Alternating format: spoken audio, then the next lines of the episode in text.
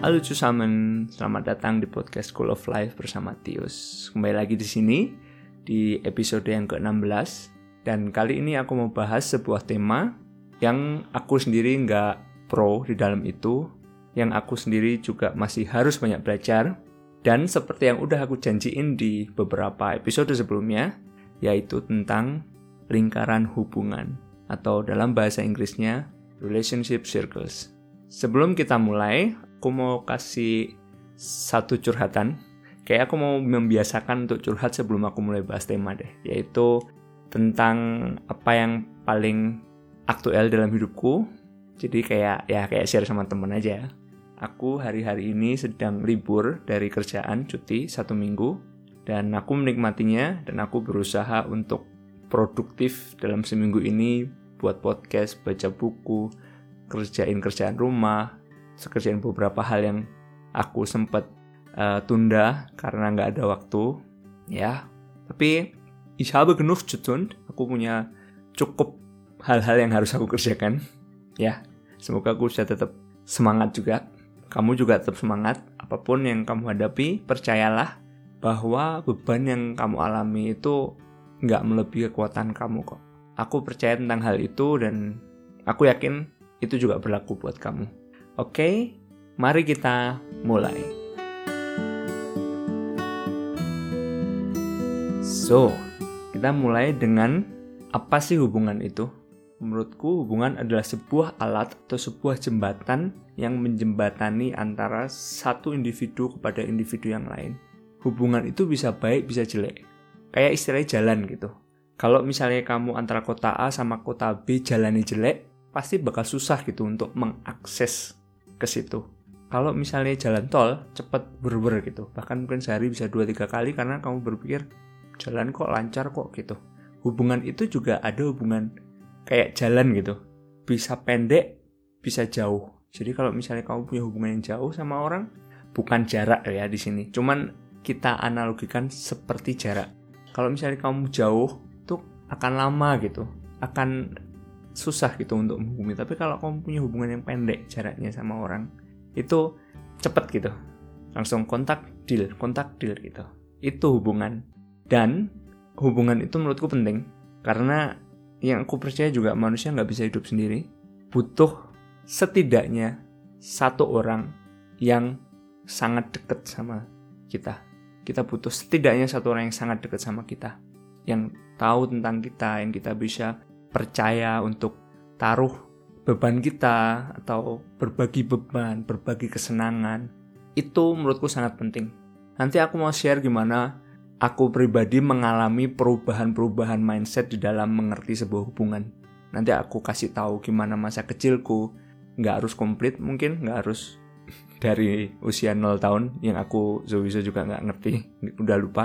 Tapi aku mau share sama kalian dan aku juga mau sampaikan sama kalian gimana cara memanage hubungan, menaruh hubungan di circle of relationship ini atau relationship circles.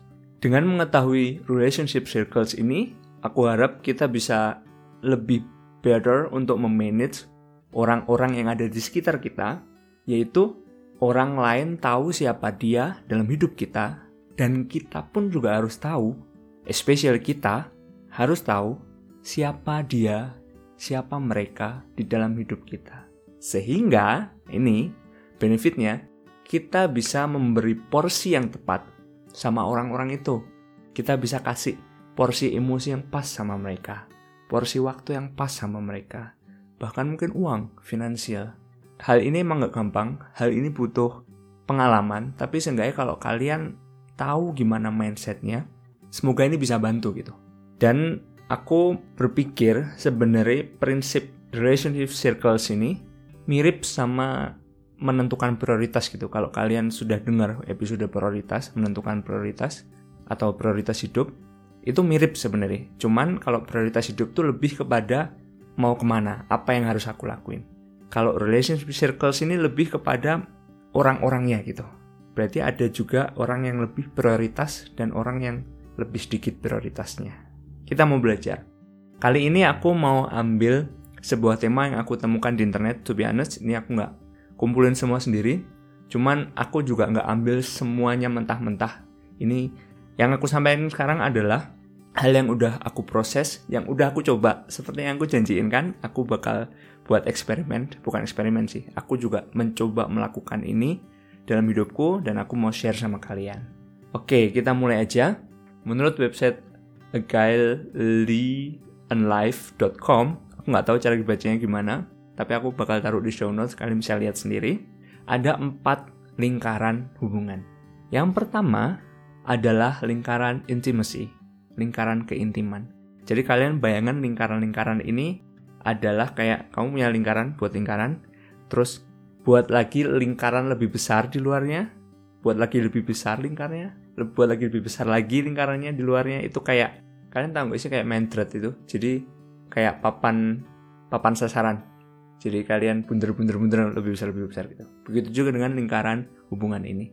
Lingkaran intimasi adalah lingkaran di mana kita seharusnya taruh orang yang paling dekat sama kita di lingkaran itu adalah seseorang yang kita nggak bisa hidup tanpa dia. Orang itu tahu hal-hal privacy kita. Biasanya tinggal satu rumah sama kita. Kamu bisa ngomong sama dia most of everything, almost everything, dan biasanya dia juga bisa ngerti kamu dengan sangat gitu. Later, idealnya itu cuma satu orang, yaitu istri kamu atau suami kamu nantinya.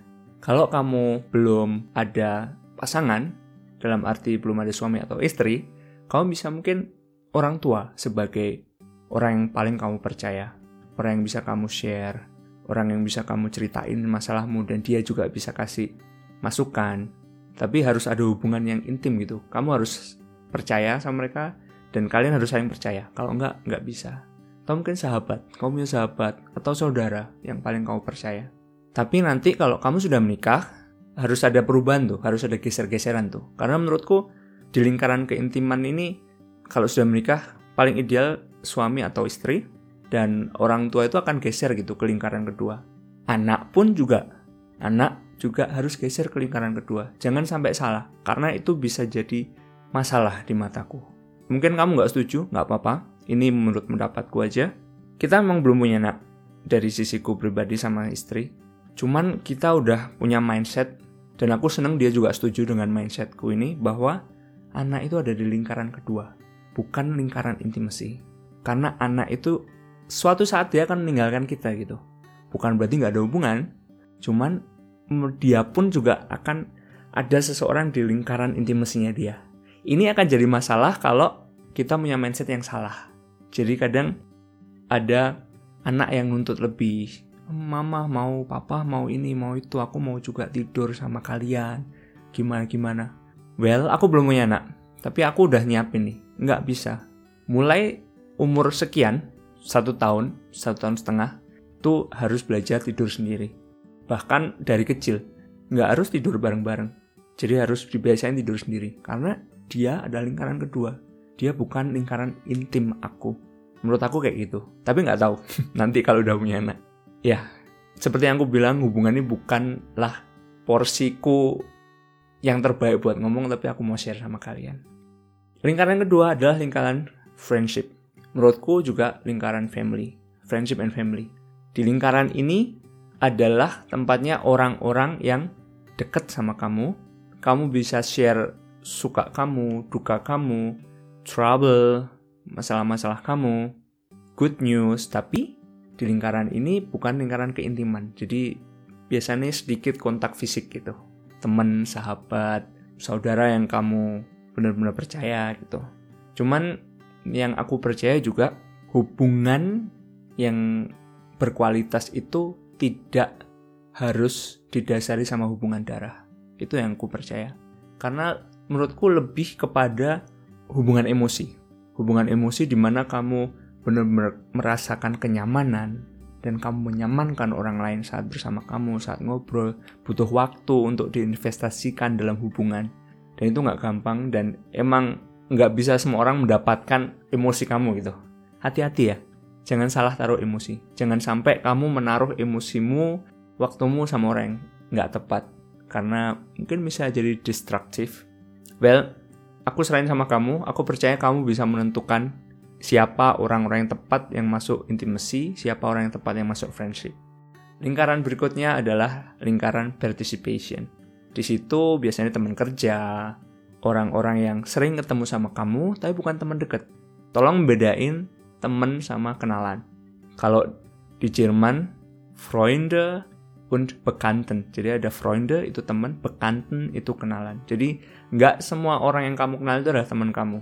Karena kamu nggak mau share banyak hal sama mereka. Sama kenalan-kenalanmu nggak harus, nggak harus. Kalian boleh tukar kabar, kalau ketemu kan halo apa kabar? dan lain-lain. Tapi kan kalian nggak harus cerita masalah kalian. Jadi hargai privasi kamu sendiri. Jangan kayak aku nanti aku ceritain semuanya tapi aku mau selesai ini dulu ya.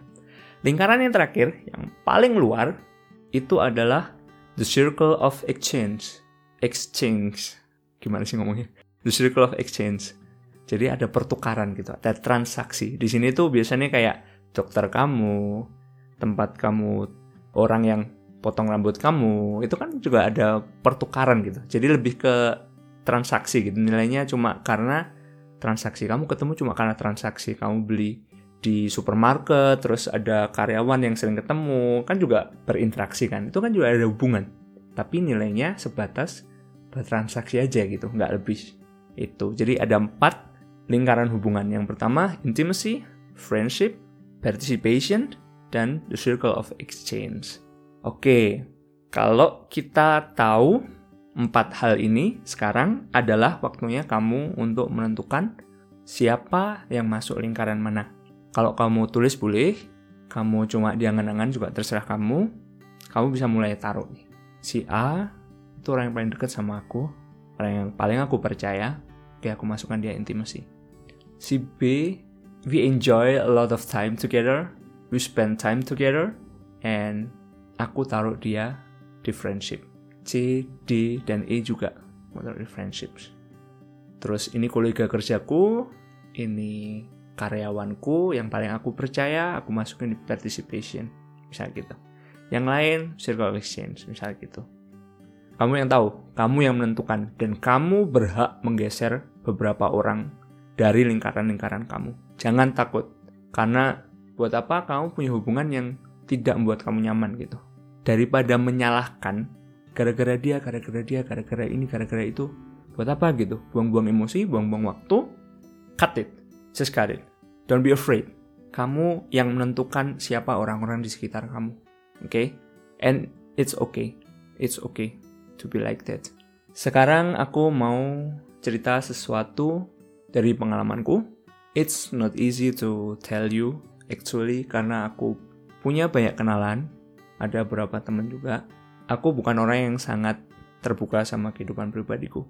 Mungkin aku cerita dulu, aku dulu kurang tahu tentang prinsip ini, dan buat aku juga nggak terlalu penting, karena yang terpenting adalah be nice to people, menjadi baik di hadapan orang, sapa orang, nggak usah konfrontasi sama orang, ya kan? Buat apa? Iya aja gitu. Yang penting mereka seneng. Aku mungkin tipe orang yang people pleaser, menyenangkan orang lain. Karena dari kultur juga gitu, diajari gitu. Juga terkesan baik kan di agama. ya, yeah. jadi yang baik, jadi orang baik, jangan nyakitin. Which is is good, is good. Cuman ya itu cuma itu yang aku tahu. Jadi aku nggak nggak ada yang ngajarin gimana cara taruh orang gitu, memperlakukan dia harus diginiin dia harus diginiin. Kalau temen tuh harus diginiin. Itu waktu itu nggak ada yang ngajarin. Jadi aku kalau aku bisa bayangkan sekarang tuh aku cuma punya satu circle dulu. Nggak ada kayak friendship friendship nggak. Cuma ada satu circle di mana kamu bisa masuk situ aku bisa cerita. Tapi begitu kita udah deket aku langsung menjauh. Karena buat aku terlalu deket gitu. Itulah yang membuat aku selama ini ngerasa aku tuh sendirian. Aku tuh single fighter gitu menurut aku nggak ada yang namanya temen yang deket banget sama aku di mana aku cerita banyak hal. For me people come and go just like that. Jadi aku nggak bilang ini baik ya. Aku cuma cerita. Kamu nyimpulin baik apa jelek kamu bisa belajar dari sini. Tapi buat aku aku tuh gampang banget untuk meninggalkan seseorang. Dan jujur kadang-kadang merasa sayang ya gitu. Nggak ada hubungan yang baik lagi. Cuman kadang-kadang aku juga nggak terlalu mempermasalahkan itu gitu.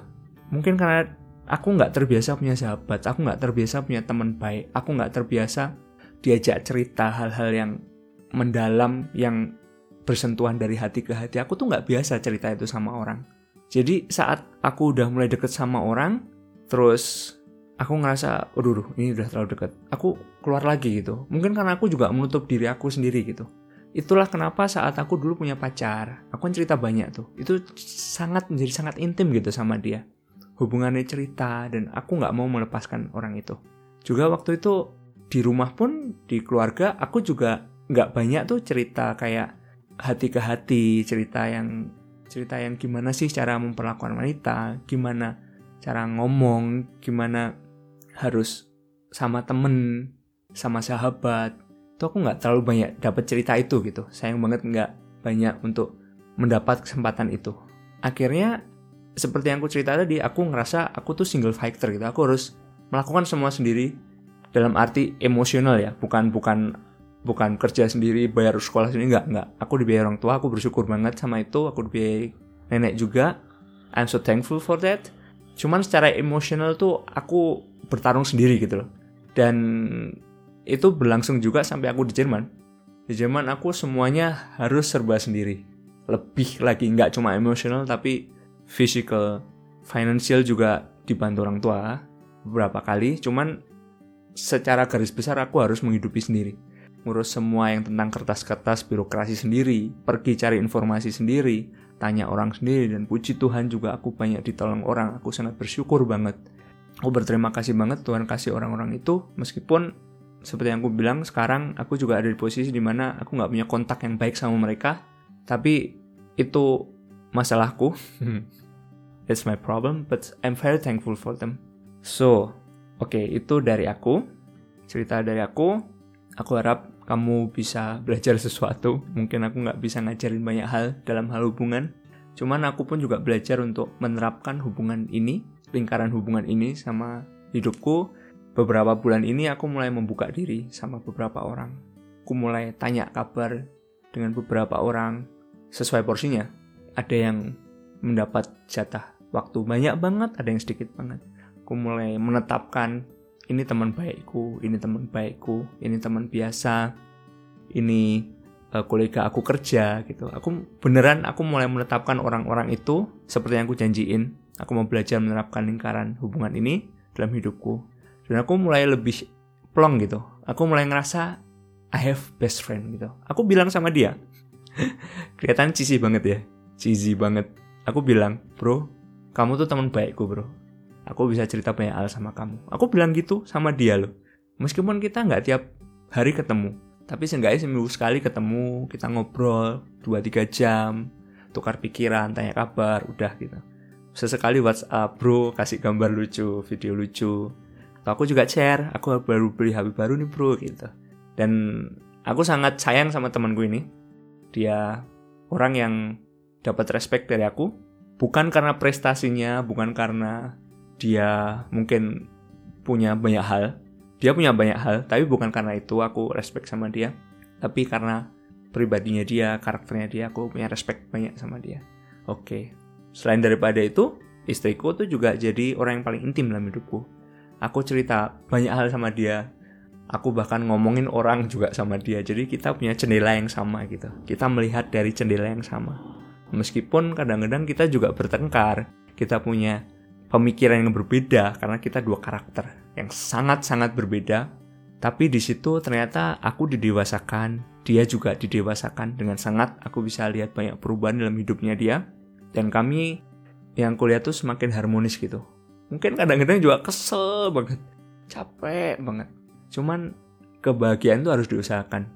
Oh ya satu hal nih kita ngomongin bahagia kalau kamu cari pasangan kamu cari suami atau istri pastikan kamu itu bahagia dulu. Jangan kamu menikah untuk bahagia. It's so wrong. Kamu nggak akan dapat kalau kamu mengharapkan menikah itu membuat kamu bahagia salah. Kamu harus bahagia dulu. Pasanganmu harus bahagia dulu menjadi single. Itu yang membuat pernikahan kalian bahagia. Karena dalam pernikahan itu banyak banget hal yang harus dikerjakan.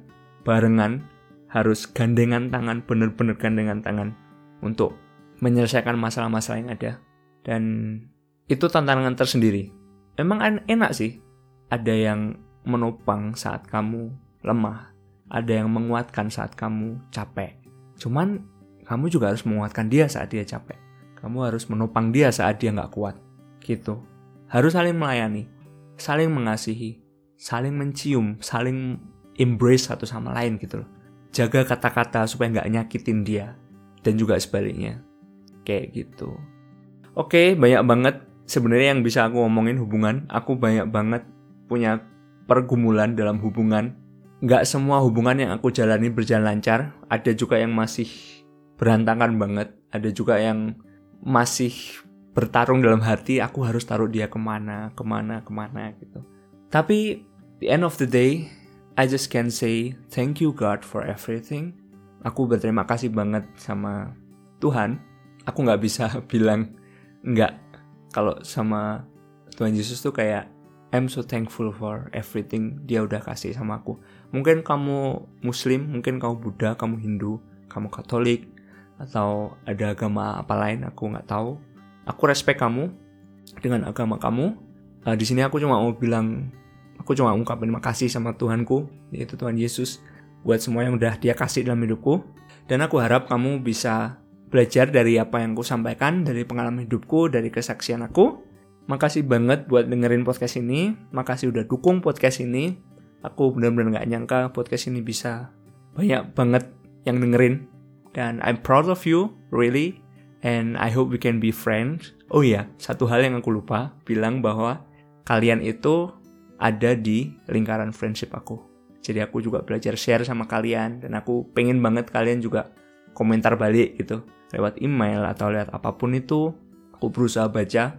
Kalau email harusnya aku baca, tapi kalau misalnya kamu komentar di di mana pun kamu lagi dengerin ini di SoundCloud atau kayak SoundCloud nggak ada deh. Google apa iPhone podcast mungkin aku nggak baca. Tapi kalau email aku pasti baca. Karena ada di handy aku di handphone aku di laptop aku juga ada kalian kirim aja komentar cerita aku pasti bakal seneng banget terima email dari kalian sebelum aku akhiri podcast ini aku mau bacain satu quotes yang berusaha aku buat bersamaan dengan tema ini yaitu relationship is relating yourself to those who important for you. Okay, thank you for listening and don't forget that you are very blessed. Sampai ketemu di episode berikutnya. Bye bye.